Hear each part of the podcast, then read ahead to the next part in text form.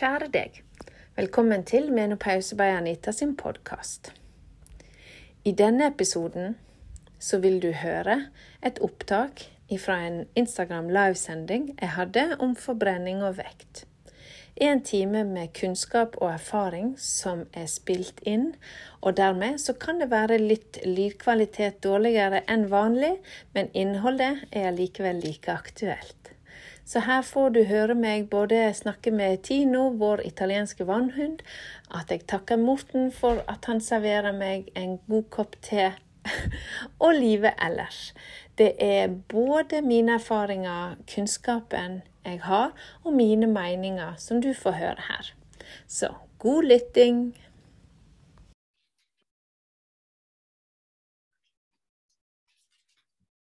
Ja, så får vi besøk av Tino med bikkja mi òg. Koselig.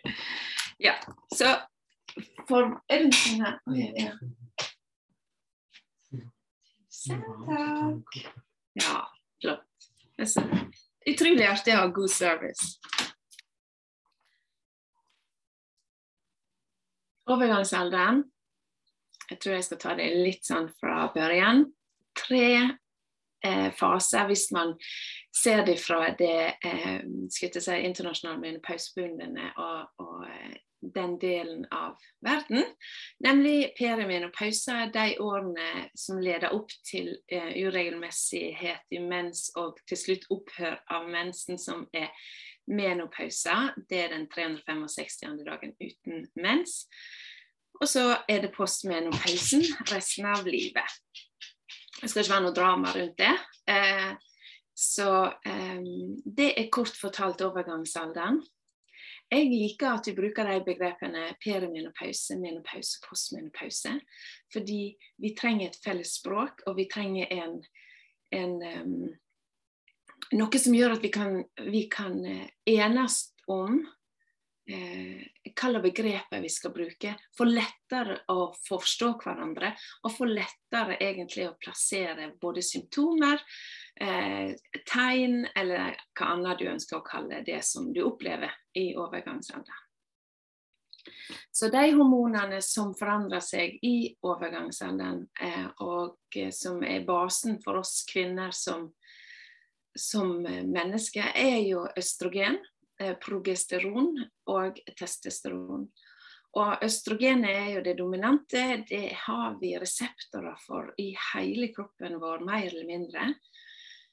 Og så har vi progesteron, som òg er en del av det løpet der. Eh, det er progesteron egentlig er for svangerskapet. Så poenget er at eh, progesteron er den, den som eh, balanserer østrogenet og bidrar til fruktbarheten vår. Eh, og testosteron er jo energien, eh, sexlysta, eh, en, en del viktige momenter i vår kvinnehelse. Kvinner produserer testosteron i store mengder. Og alle disse tre hormonene de endrer seg i løpet av perimenopause, over i menopause og så videre i postmenopause. Så eh, du kan ha forskjellige symptomer ut ifra hvor du er hen i overgangsalderen. Og du kan ha forskjellige symptomer, alt ettersom hvilket hormon som nå tar og dipper litt, hvis vi kan bruke et sånt eh, begrep. Så jeg er jordmor. Eh, jeg har eh, tatt eh, et utdanningskurs i England om overgangsalderen. Og jeg er ganske åpen på det at vi har altfor lite kunnskap om overgangsalderen her i landet, egentlig i verden, når jeg tenker meg om, på hva det fører til, disse hormonendringene. Vi vet altfor lite, og det har vært altfor lite snakka om. Det har vært en stillhet der. Hormoner er komplisert. Ikke under noen omstendighet kan jeg sitte her og gi dere et hormonelt eh, introkurs. Jeg er ute etter å gi deg forskningsbasert kunnskap som, har, som, er lettfattelig for deg, og som gjør at du kan navigere litt lettere gjennom overgangsalderen. Og kanskje faktisk, sånn som jeg skal formidle i dag, kanskje du kan forstå deg sjøl litt mer. Og hvis du da kan forstå deg sjøl mer, kanskje du også kan legge vekk litt av den strenge, eh, strenge handa di. Kanskje du kan legge vekk skamma di, og kanskje du kan få lov å fokusere på hvordan du skal gjøre det bra for deg sjøl. Så hormoner er komplisert.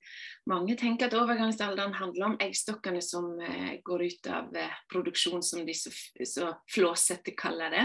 Det skal du vite at sånn eh, er det ikke. Der hjernen din er òg en del av den hormonelle endringa som skjer. Resten av kroppen din likedan. Derfor kan du klø, derfor kan du ha muskelleddsmerter, derfor kan du ha søvnvansker, derfor kan du ha eh, uregelmessige blødninger. Noen får, eller Flesteparten får hetetokter, men ikke alle. Sånn at symptomer det er veldig mange og veldig forskjellige, og individuelt fra kvinne til kvinne.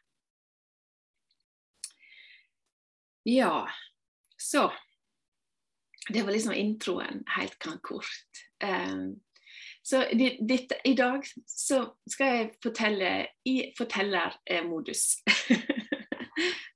Så, um, så, hormoner er komplisert. Uh, det betyr òg at uh, selv om vi har fokus på f.eks. østrogen, progesteron og testosteron som det som forandrer seg mest under overgangsalderen, og særlig perimenopause, de årene som leder opp til at mensen har blitt vekke i et år. Og perimenopause kan vare alt fra to år, ett år til fire, sju, ti, tolv, det kan være en veldig lang fase, og det kan være en, en, en trøblete fase. Det kan òg være en helt eh, forsiktig liten fase som ikke byr deg noen særlige utfordringer. Så så forskjellige er vi kvinner. Men det er andre ting som i kjølvannet av hormonendringene også blir påvirka. Og det kan være det kan være andre hormoner som blir påvirka, som kortisol og adrenalin. Det kan òg være neurotransmittere, altså de som bidrar til eh, altså, Som sender signaler videre, sånn at kroppen vår får gjort jobben vår. Det kan være dopamin, og serotonin og oksytocin f.eks. Så jeg skal ikke kjede dere med altfor masse sånne hormondetaljer. For det dere trenger, ut fra det som jeg har erfaring med, i alle fall, er at dere trenger å forstå litt mer hva som skjer i kroppen i overgangsalderen. Er dere klare?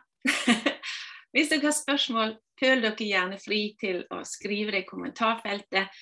Jeg skulle gjerne vinka til dere alle, eh, men her kommer en felles vink. For det kommer sånne armer opp ned på, ned på sendinga der. Ja. Vet dere at et enkelt svar på hvorfor forbrenning forandrer seg i overgangsalderen, det er litt komplisert. Men hvis jeg kan si til dere at det gjør den.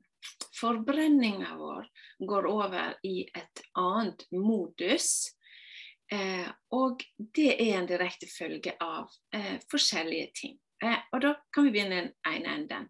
Og det er at vi har eh, endringer i testosteronnivået. Og ikke, så, ikke nødvendigvis så mye perimenopause, men desto mer i postmenopause. Og der eh, Testosteron er jo en energigiver, er jo en som på en måte eh, bidrar inn til, til, forbrenning, eller metabolismen, da.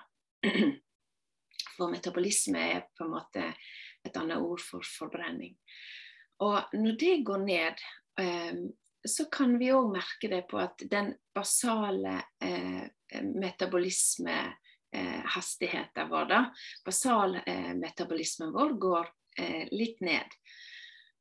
Og det kan du òg kjenne. Noen kjenner det òg fordi at de blir at ved at de blir kalde, eller at de, de, de til tross for at de spiser det samme, til tross for at de beveger seg nokså likt, så er det noen tendens til at kroppen forandrer seg, og det kan oppleves som om man går opp i, i kilo for noen.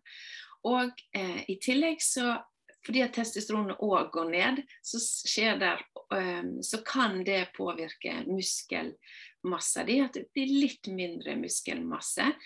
Eh, men det skjer også helt naturlig bare ved å bli eldre. Eh, der vi faktisk eh, må, må, forstå at denne kroppen her, til tross for how smashing den er, så blir den eldre.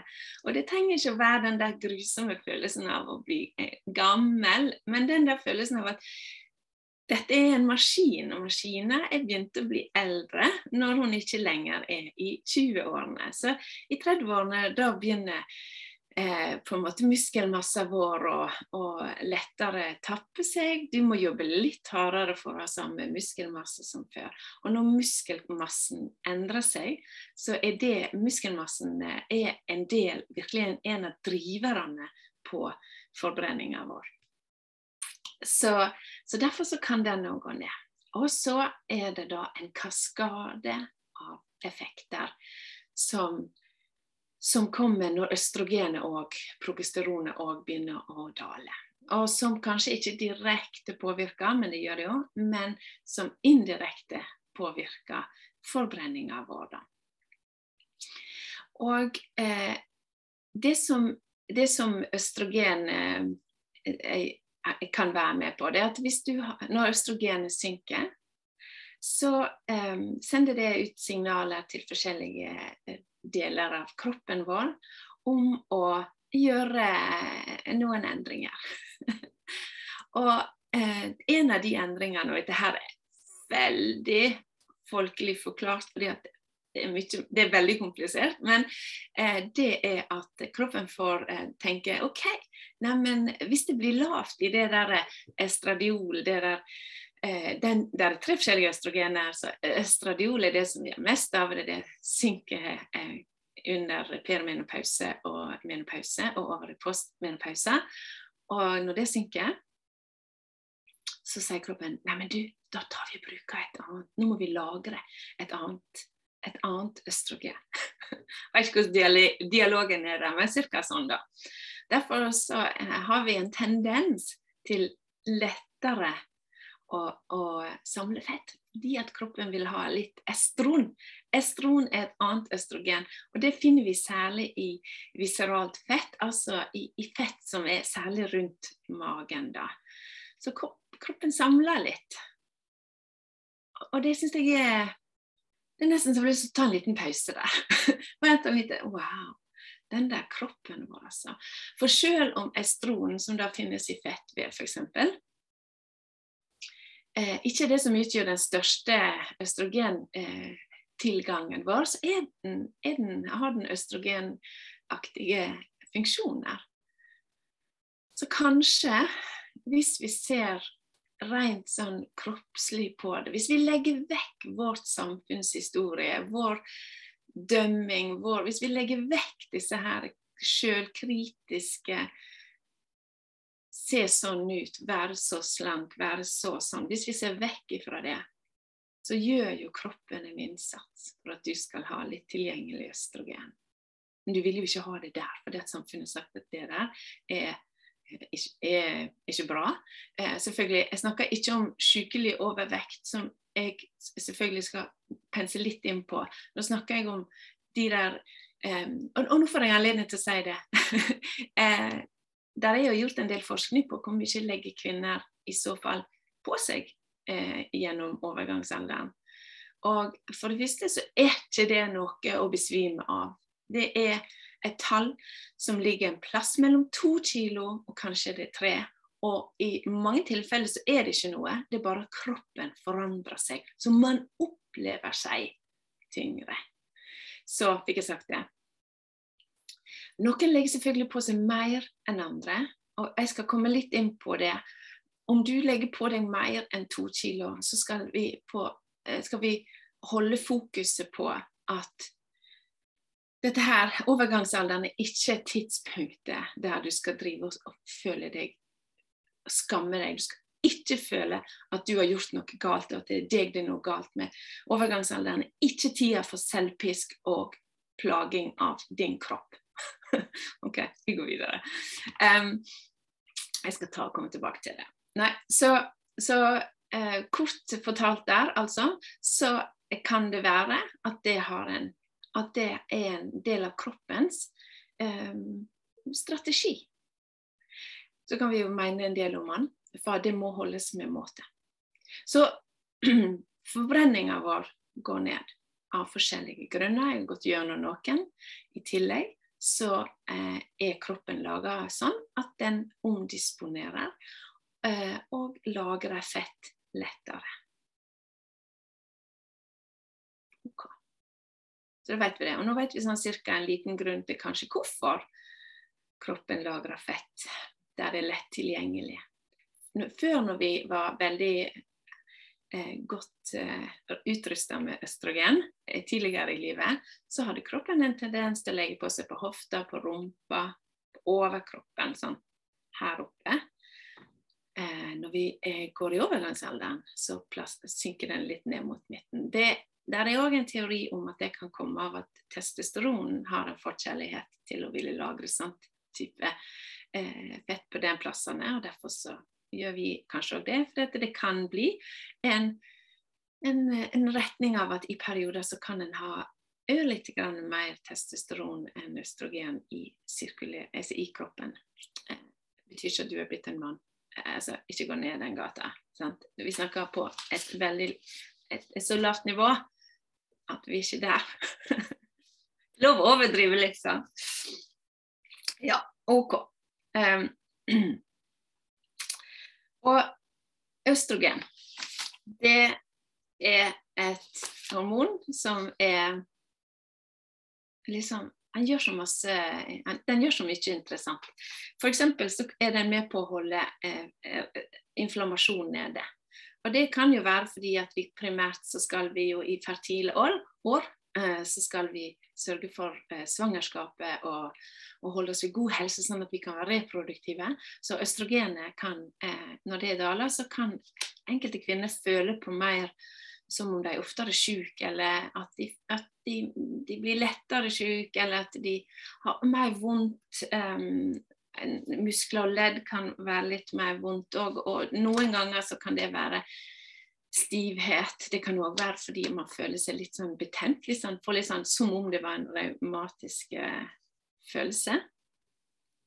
Men østrogen er òg viktig i forhold til insulin. Eh, for eh, det er så rart at desto mer eh, desto mindre østrogen vi har på, desto mer sårbare for eh, å utvikle insulinresistens er vi. Og insulinresistens er jo rett og slett at vi, uh, vi, Insulinet vårt virker ikke så bra på å redusere blodsukkeret vårt. Så vi går litt sånn Vi kan lettere ende opp med å gå litt mer rundt med høyt blodsukker over lang tid. Og det som da skjer, det er at da bruker kroppen en annen strategi. Og det er at nei, vi trenger ikke alt det der blodsukkeret i det blodet. Uish, vi tar og lagrer det som fett i leveren og rundt omkring. For da har vi det jo tilgjengelig. Så derfor og da der kom vi inn i en sånn dårlig sirkel, for da må man ha litt mer insulin for å få den der effekten. Så øker insulinet, og så kommer man inn i en sånn der eh, resistensopplevelse der det virker nesten ikke. Men Det betyr ikke at du har fått diabetes, men det betyr at eh, vi skal være ekstra oppmerksom på det. Ta ekstra godt vare på oss sjøl. Fordi at hvis vi ikke klarer, eller hvis vi ender opp med å ha for høye og for ustabile blodsukkere eh, over lang, lang, lang tid, så kan vi selvfølgelig stå i fare for å utvikle diabetes type 2. Og så er det noe da som skjer i hjernen vår, og dette her er jo hjerneforskning. Det kommer mer og mer av over i, eh, mot overgangsalderen. Altså at, uh, at eh, vi kommer til å forske mer på det. Mye er i gang, mer skal skje. Og i hjernen vår så skjer masse av disse kaskadene og disse automatiserte følgene av hormonelle endringer. Og hjernens evne til å liksom eh, ja, hva skal jeg si, altså forbrenne, da. Altså hvordan den eh, forbrenner karbohydrater og fett og alt dette her, og hvordan vi styres og sånn, det endrer seg når østrogenet går ned. Så bare hvis vi tar en fot i bakken her Hører du at dette her er ikke fordi du nødvendigvis er blitt lat? hører du at dette her er ikke nødvendigvis fordi du ikke er flink nok å springe fort nok. At du ikke eh, trenger å ha noe sånn stor skyldfølelse eller stor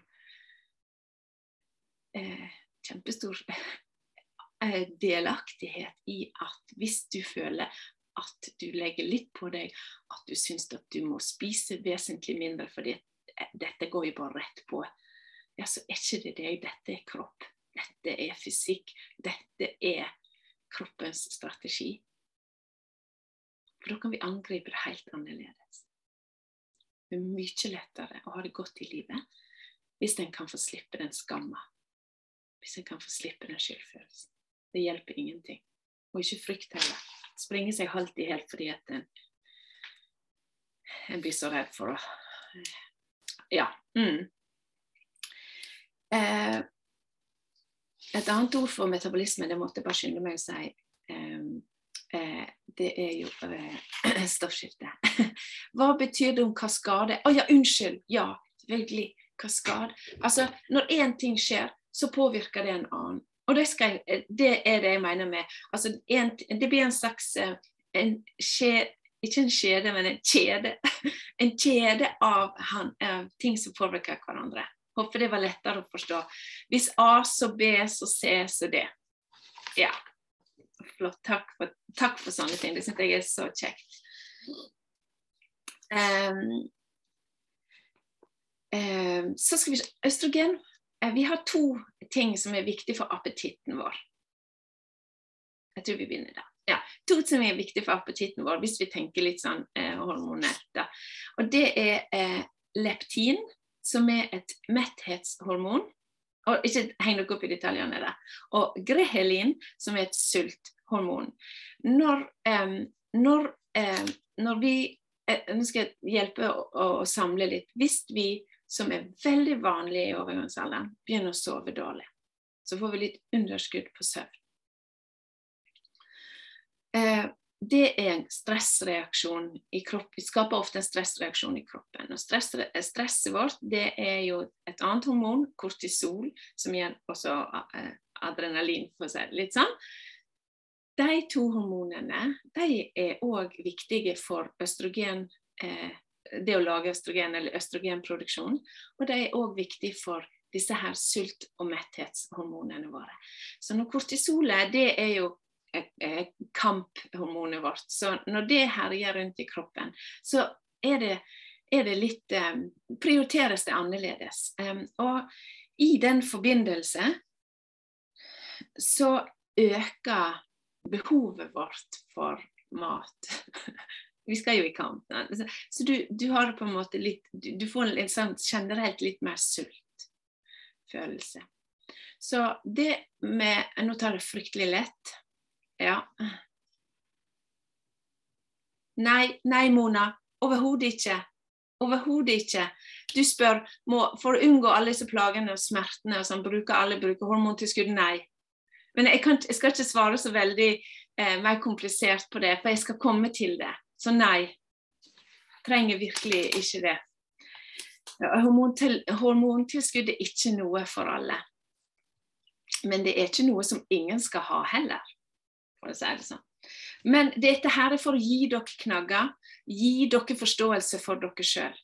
For dere kan bruke det her til å gjøre gode valg for dere sjøl. Det, det, er det som er målet mitt. Jeg skal fortelle hvilke valg du står overfor etter hvert. Men iallfall, at du føler sult, at du føler at når du kommer til, når du kommer til kvelden og bare lyst til å kaste i deg jeg, eh, jeg vet ikke, egentlig fett og sukker og alt det der. Så ved å vite det som jeg deler nå, så kan du ta et, sette deg litt tilbake og heller bruke energien din på at okay, det kroppen min nå kanskje trenger, er noe annet enn det jeg instinktivt har lyst til å putte i akkurat nå.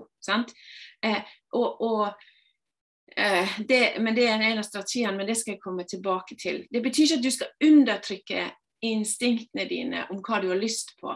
Du skal bare vite hva det er, så skal du ta gode valg. Ja. Men iallfall det kan være fordi du har stressa en hel dag. Vi kvinner kan bli mer sårbare for stress gjennom hormonendringene. Og da ender du opp med eh, høyt kortisol, som igjen kan gi litt mer behov for eh, Som kan øke litt grehelin, og særlig gjelder det om natta. Eh, så, så, eh, så, eh, så, får du disse cravingene. Derfor er det en del kvinner som beskriver at de, de, de har utrolig behov for det de er veldig sultne etter, etter fett og karbohydrater og, og, ja, mm, og mat. Når, vi, når kortisol er oppe, når vi stresser, når kortisol er oppe, da trenger vi mer insulin. Det holder blodsukkeret oppe. Altså nå når jeg nettopp hadde snakka om insulin, så ser dere jo at dette henger litt sammen. Og søvn det er en av de faktorene som eh, påvirker helsa vår i veldig stor grad i overgangsalderen. Og søvnen blir forstyrra ved at man enten ikke sovner så lett, og det er for at når østrogenet går ned, så kan melatonin få seg en dypp, og melatonin trenger vi for å bli døsige og å sovne. Så Det er de som har innsovningsproblemer. Så har du de som våkner klokka tre-fire på natta og er lysvåken, klar for dagen, og som virkelig ikke burde stått opp, og, og, kroppen burde virkelig ikke vært våken. Og det er fordi at det, der skjer et skifte midt på natta mellom melatonin og kortisol. Kortisol skal gjøre deg våken og klar for, for eh, dagen, men der kan det være eh, altså, ubalanse. Ikke at du skal stresse så mye med det, du skal bare forstå det her. Og så eh, igjen da, så kan det være hetetoktene som vekker deg, det kan være smerter i muskler og ledd som holder deg våken, det kan være at du er litt mer lydsensitiv, sånn at naboens eh, eh, aktiviteter eller eh, snorking eller andre ting holder deg mer våken. Ehm, så det kan være flere grunner. sant? Det er ikke bare én.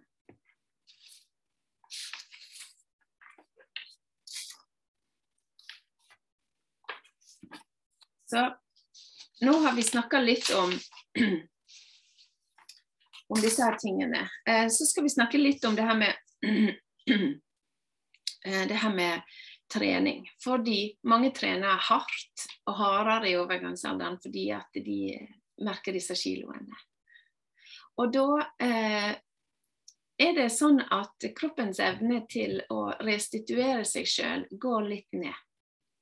Så vi trenger egentlig mer hvile enn vi tror. Og vi trenger å egentlig ta mer hensyn til kroppen når vi trener. Hvis vi vil holde vekt eh, og eh, skutte seg kroppen vår i en tilstand av god energi og ressurser, og et, trives i kroppen vår, og der er det individuelt. Vi skal trives i kroppen vår, vi skal ikke drive den som et, eh, et utstillingsmoment. Eh, og det, da er det viktig med styrketrening, særlig i overgangsalderen. Fordi vi har det her muskeltapet som jeg har snakket litt om tidligere. Vi har denne forbrenningstapet. Når vi trener, så øker muskulatur, eh, testosterontilgangen øker. Og gode, deilige nervotransmittere eh, som f.eks. dopamin og serotonin og oksytocin er liksom en del av av pakka du får. Så styrketrening er alfa og omega tre ganger i veka. En, en, styrketrening trenger ikke være en, en timers økt, det kan være tilpasset din kropp. Og så må du hvile etterpå. Men når man får muskel- og leddsmerter, så er det vanskelig å drive og trene seg sjøl og pushe seg sjøl og alt det her. Så noen ganger så kan det være grunnen til at man ikke orker disse treningsøktene lenger. Og da er det å vite det. At dette her er en del av det her. Jeg må ta hensyn til det her. Kanskje du må ta kortere økter. Kanskje du allikevel kan ha effekt av det, om, selv om du endrer litt. For du er ikke 20 lenger. Kanskje det holder. Kanskje det er tilstrekkelig. Og, um, og det, ja. Uh, og så har du uh, og så har du det at du sover dårligere, så du føler kanskje at du har ikke den samme energien. Finn det som funker for deg. Finn det. Altså, prioriter styrketrening. Prioriter tur ut. Eh, kom deg ut for dagslys, for D-vitamin er veldig òg en ting om vinteren. Vurder om du burde brukt D-vitamintilskudd. Eh, og vekt og overgangsalder er en en kjempeviktig eh, poeng med denne her sendinga. Så jeg bare tar ti sekunder, tar meg en slurk med te, for det var jo et frokostmøte. En mono, monotale, men riktignok. Det er England. Åh, den som kunne fått reise. Ja. Så vektendring i overgangsalder. Første jeg har lyst til å si, ikke fall for fristelsen for å tenke at disse her quick fix slankekurene som pøses ut med jevne mellomrom, ikke fall for fristelsen og tenke at det er løsningen for meg nå, når jeg er i overgangsalder.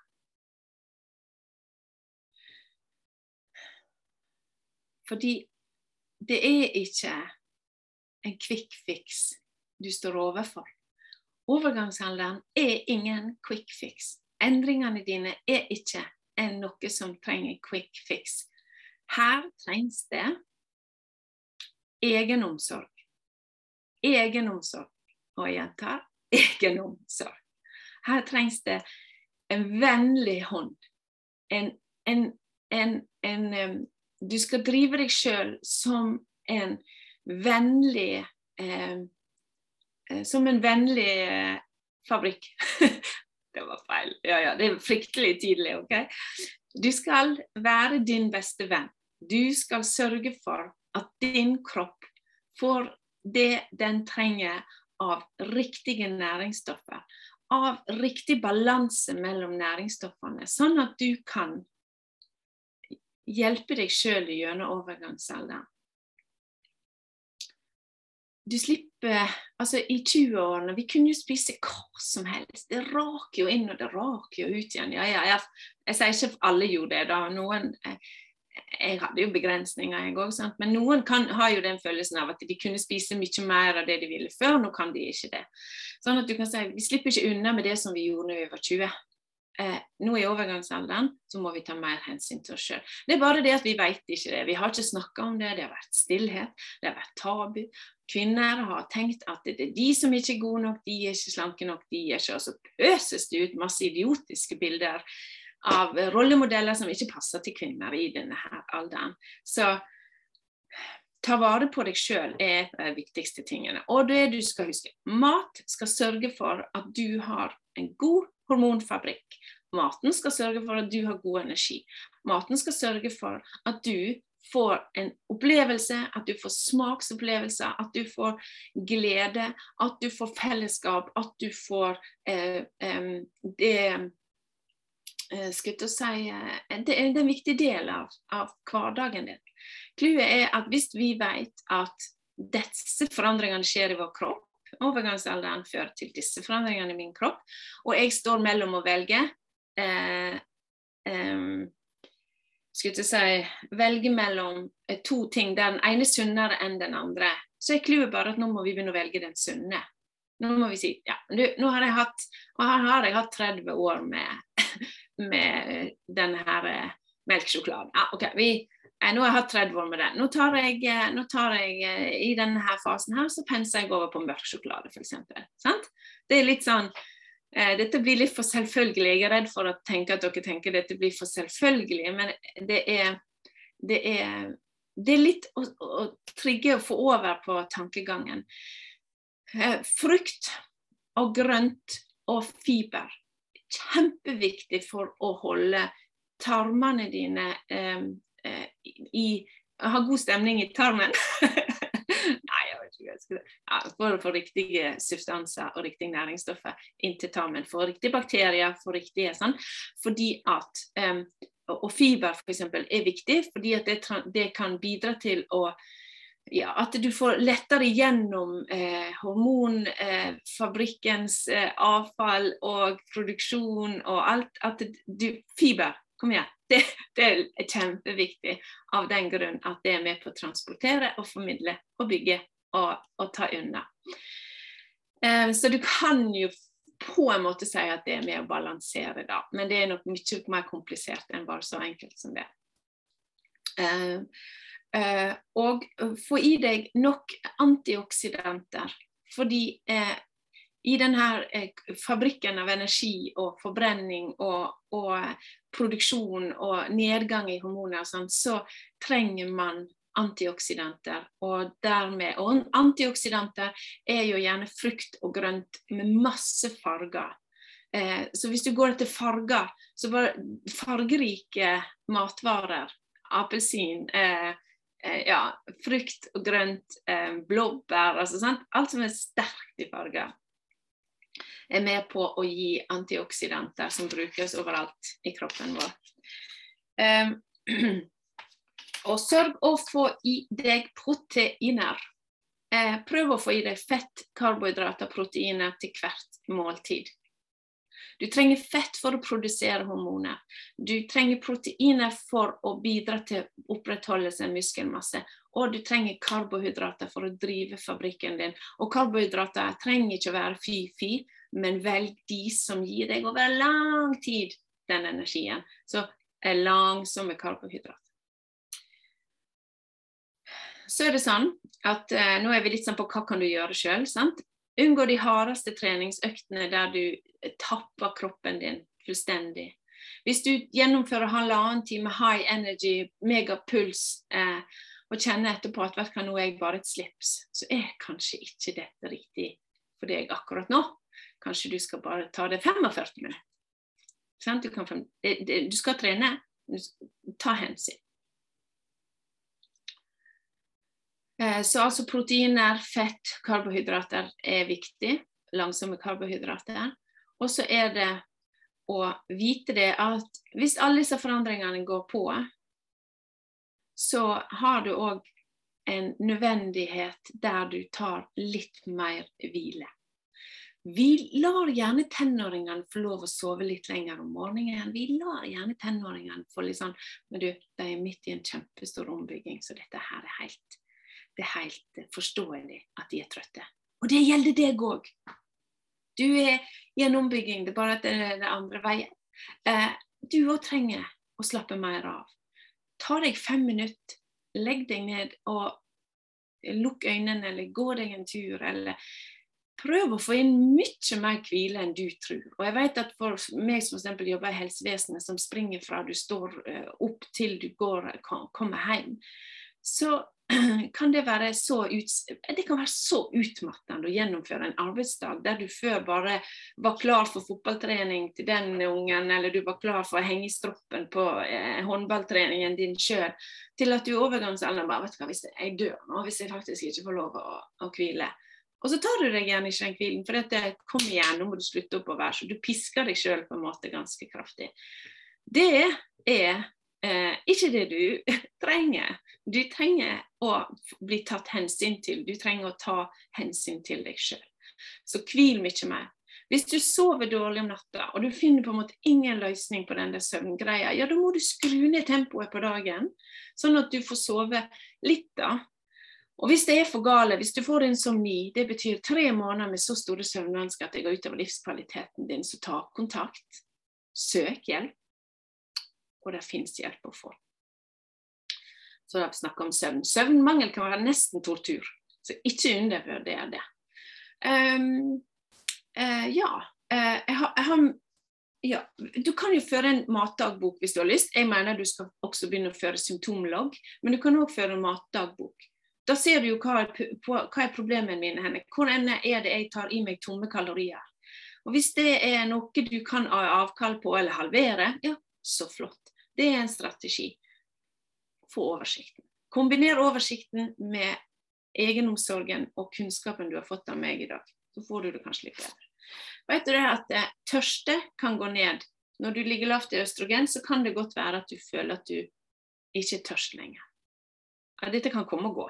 Det kan absolutt komme og gå. Så dette er ikke noe sånn der dette er igjen sånn som vi vet om de eldre, eldre, eldre menneskene som har på en måte lav forbrenning, lav De kan ofte ikke føle seg tørste. Men det kan gjelde deg òg av og til. Sånn at eh, drikk nå vann i løpet av dagen. Nok til å holde hele systemet i gang. Det er eh, vi, tarmene våre blir påvirka av østrogennedgangen. Vi kan få litt treigere mage, vi kan føles litt mer oppblåst. Og alt dette her, Derfor er fiber viktig, derfor er vann viktig, derfor er bevegelse viktig. Fordi at det, alltid stimulerer tarmhelsa vår og tarmbevegelsene. Så gå deg en tur, om ikke annet. Og det som er det at vi så nå, hvis jeg skal oppsummere nå, så har vi på en måte snakka om hva forbrenning er, hvorfor den forandrer seg, hva som virker inn. Vi har snakka om stresset. Stress, hvis du kan unngå, hvis du kan kutte ned på stress. Hva er stressfaktorene dine? Hva stresser deg? Reduser de. Altså, livet går sin gang. Du klarer jo ikke å ligge i en sånn eh, eh, konstant yogastilling. Det, det, er jo ikke det jeg mener. Finn hva som er verst. Prøv å plukke det vekk.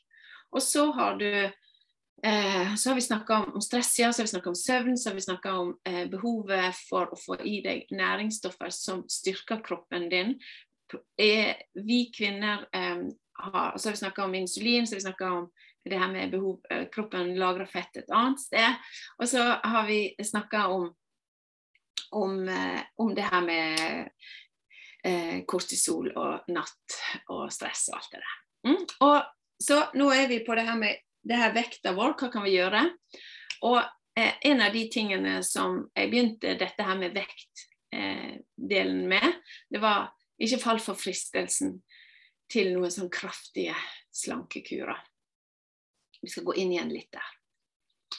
Vi har gjerne vært, eh, vi som har vokst opp eh, Jeg er født i 1970, så jeg vil si at hele Det begynte på 80-tallet. Da var det Jane Fonda og aerobic og noen helt absurde treningsklær som Det var ikke én del av kroppen din som ikke var eksponert i en eller annen tights.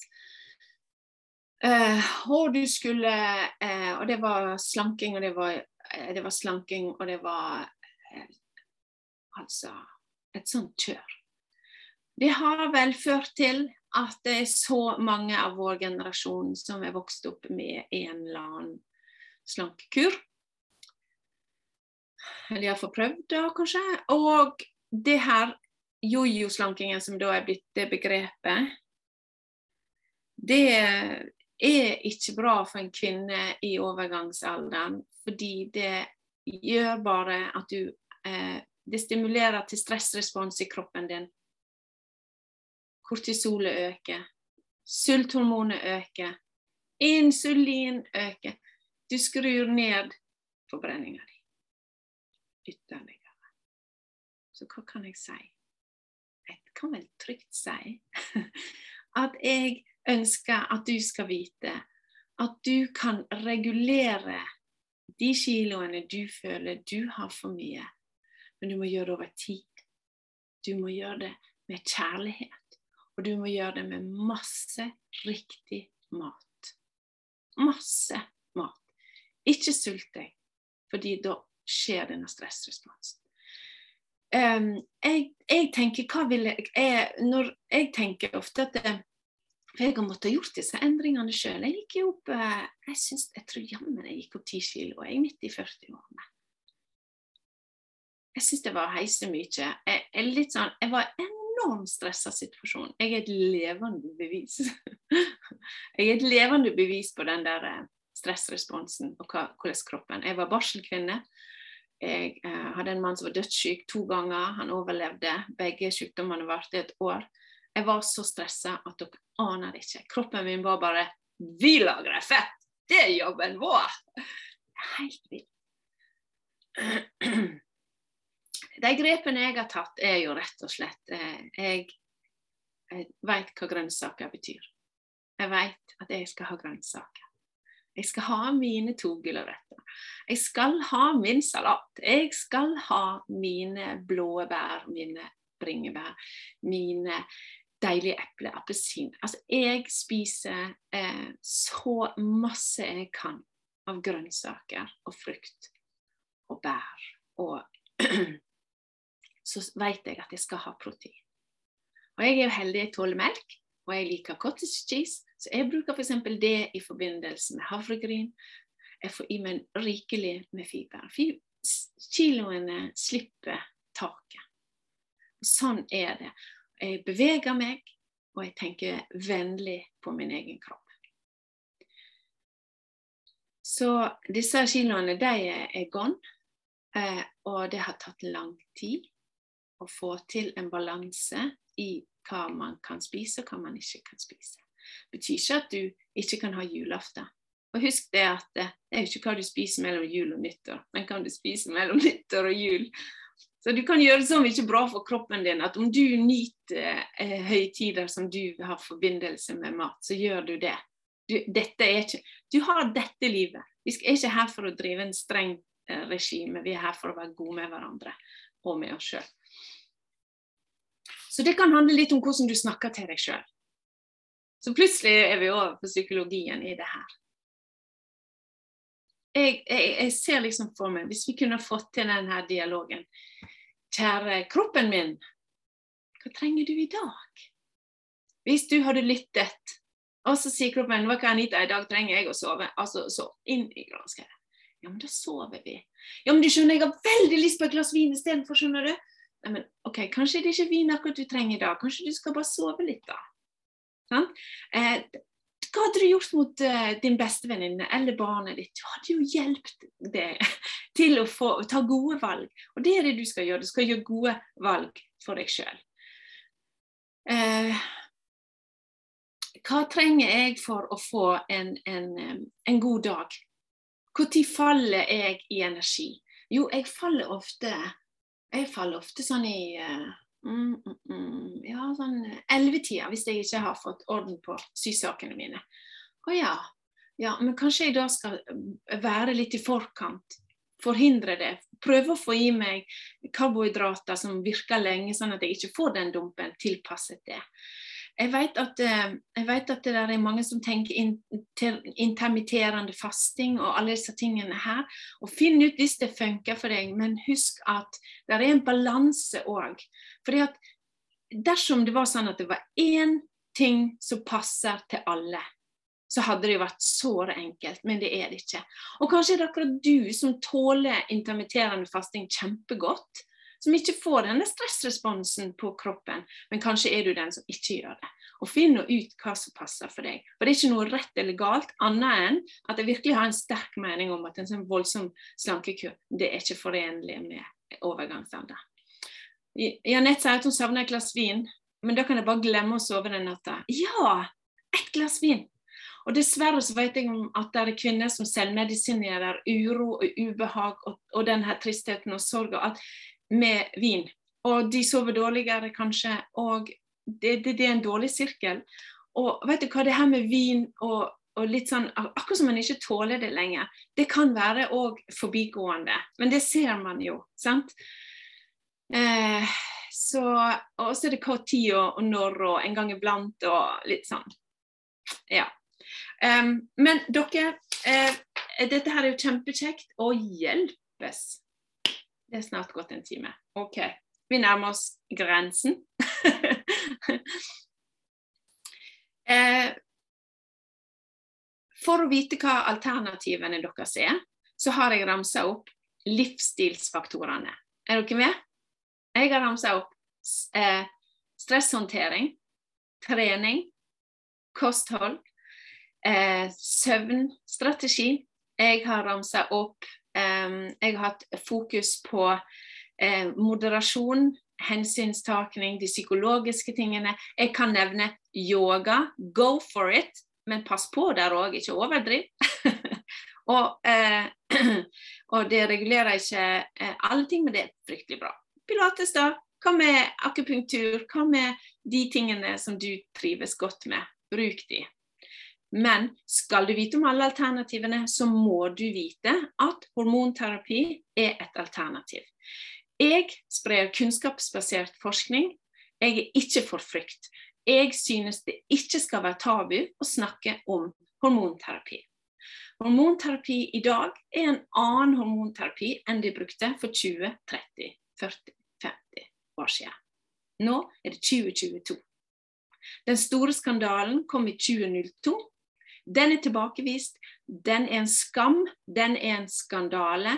Virkeligheten med dagens hormonterapi er at for friske kvinner i riktig alder, og det betyr at det er mindre enn ti år siden sist du hadde mensen, og du er under 60 år, så vil det for de fleste kvinner være flere fordeler enn ulemper ved å, til, ved å prøve hormonterapi gjennom huden Gjerne i kombinasjon med progesteron, enten det er mikronisert eh, eller en annen type eh, sånn eh, gestagen slash progesteron eh, gjennom huden. Enten som plaster eller spray eller, eller eh, ja. Mm. Og eh, der er jo gjort masse forskning på hormonterapi, fordi det er jo over i legemiddelindustrien. Men der er ikke gjort godt nok med forskning. Vi har hengt oss opp i gamle dager her trengs det mye mer forskning til. I dag så eh, er det sånn at eh, der er gjort en del forskning som viser at hormonterapi kan ha en gunstig effekt på fettomsetningen, kan ha en positiv effekt på søvn, kan ha en positiv effekt på eh, diabetesrisikoen, altså i forhold til hjerte-kar. Eh, og det er en del andre fordeler.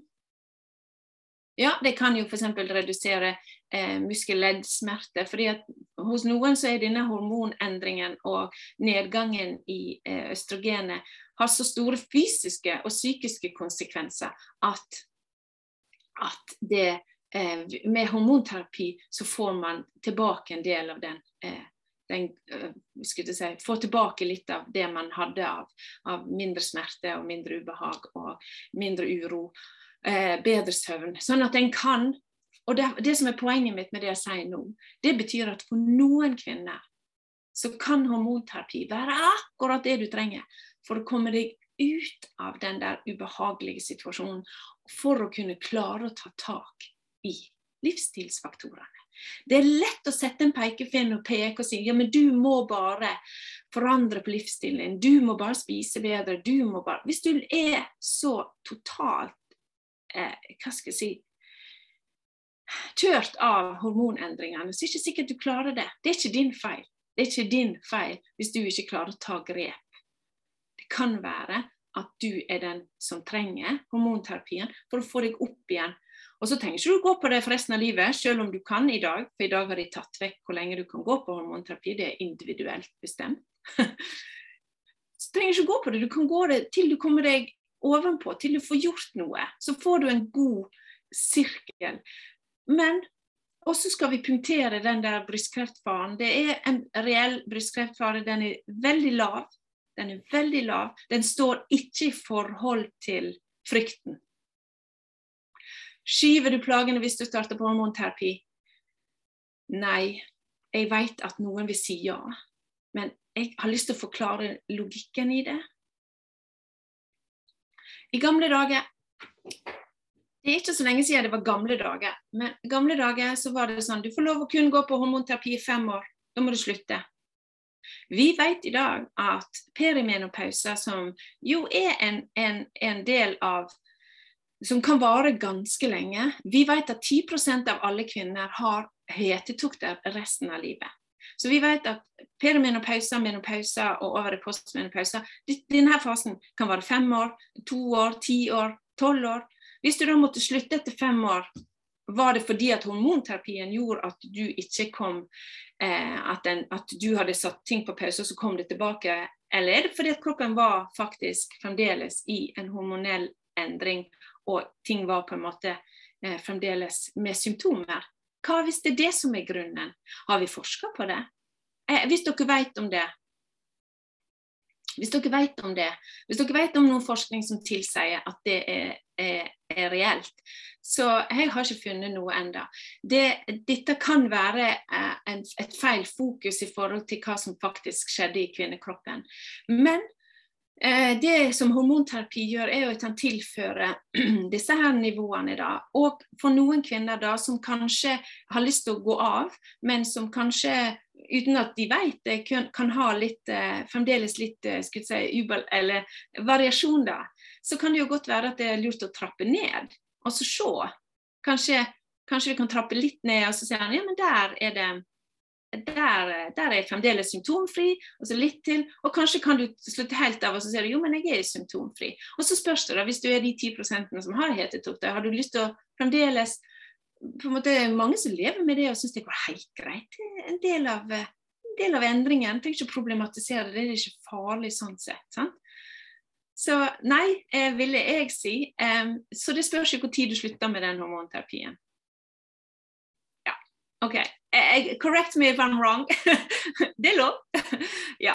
Jeg har hatt brystkreft, og det er ingen som vil gi meg hormontilførsel. Det er forskjellige typer brystkreft. Jeg er klar over det. Og det har vært en absolutt nei. I England og andre steder så begynner det å bli litt mer så individualisert. Som, men eh, det her er noe som vi som samfunn skal begynne å ta litt flere diskusjoner om. Fordi hva er òg hormontilførsel? Sant? For mange kvinner med brystkreft som går på tamoxifen f.eks., og som har så tørre slimhinner at livskvaliteten deres er sterkt forringa f.eks. For hva med de? Kan det være at hvis man gjorde en god, grundig eh, Eh, gjennomgang, la med gynekolog, spesialist, brystkreftlege og alt det her, så ser han at jo, kanskje du, akkurat du kan vurdere å bruke en vaginal tilført lokalt østrogen som gjør at slimhinnene dine i alle fall blir mette av østrogen. Eller kanskje ikke.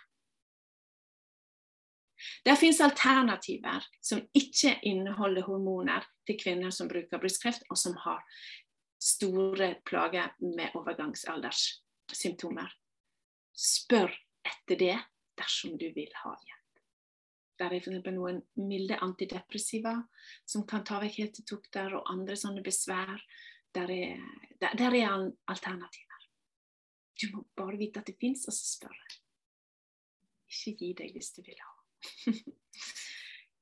ja Nå skriker det i magen. det har vært så mye sultfokus. OK.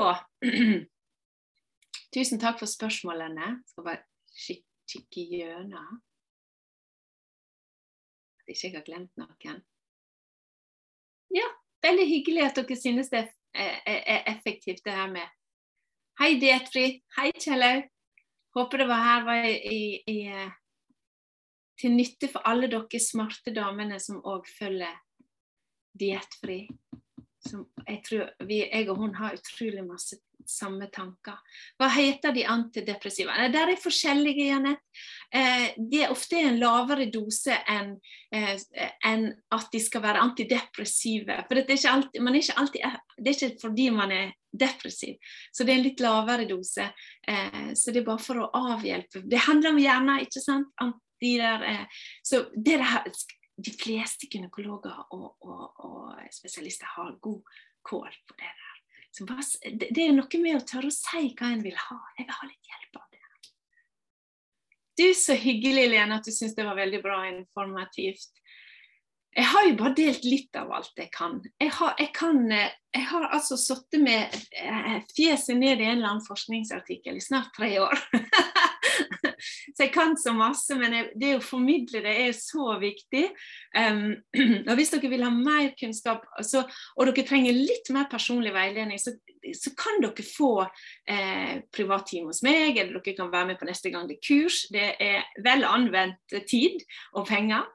Og eh, jeg deler gjerne, og jeg gir det jo gratis. Alt jeg gir, det har jeg gitt her gratis som en bidrag inn til kvinnehelse. Så jeg håper dere setter pris på det ved å dele det, ved å fortelle det til andre, og ved å være en god ambassadør for menopausekunnskap. OK. Nydelig. Tusen takk for nå. Ha en riktig fin søndag.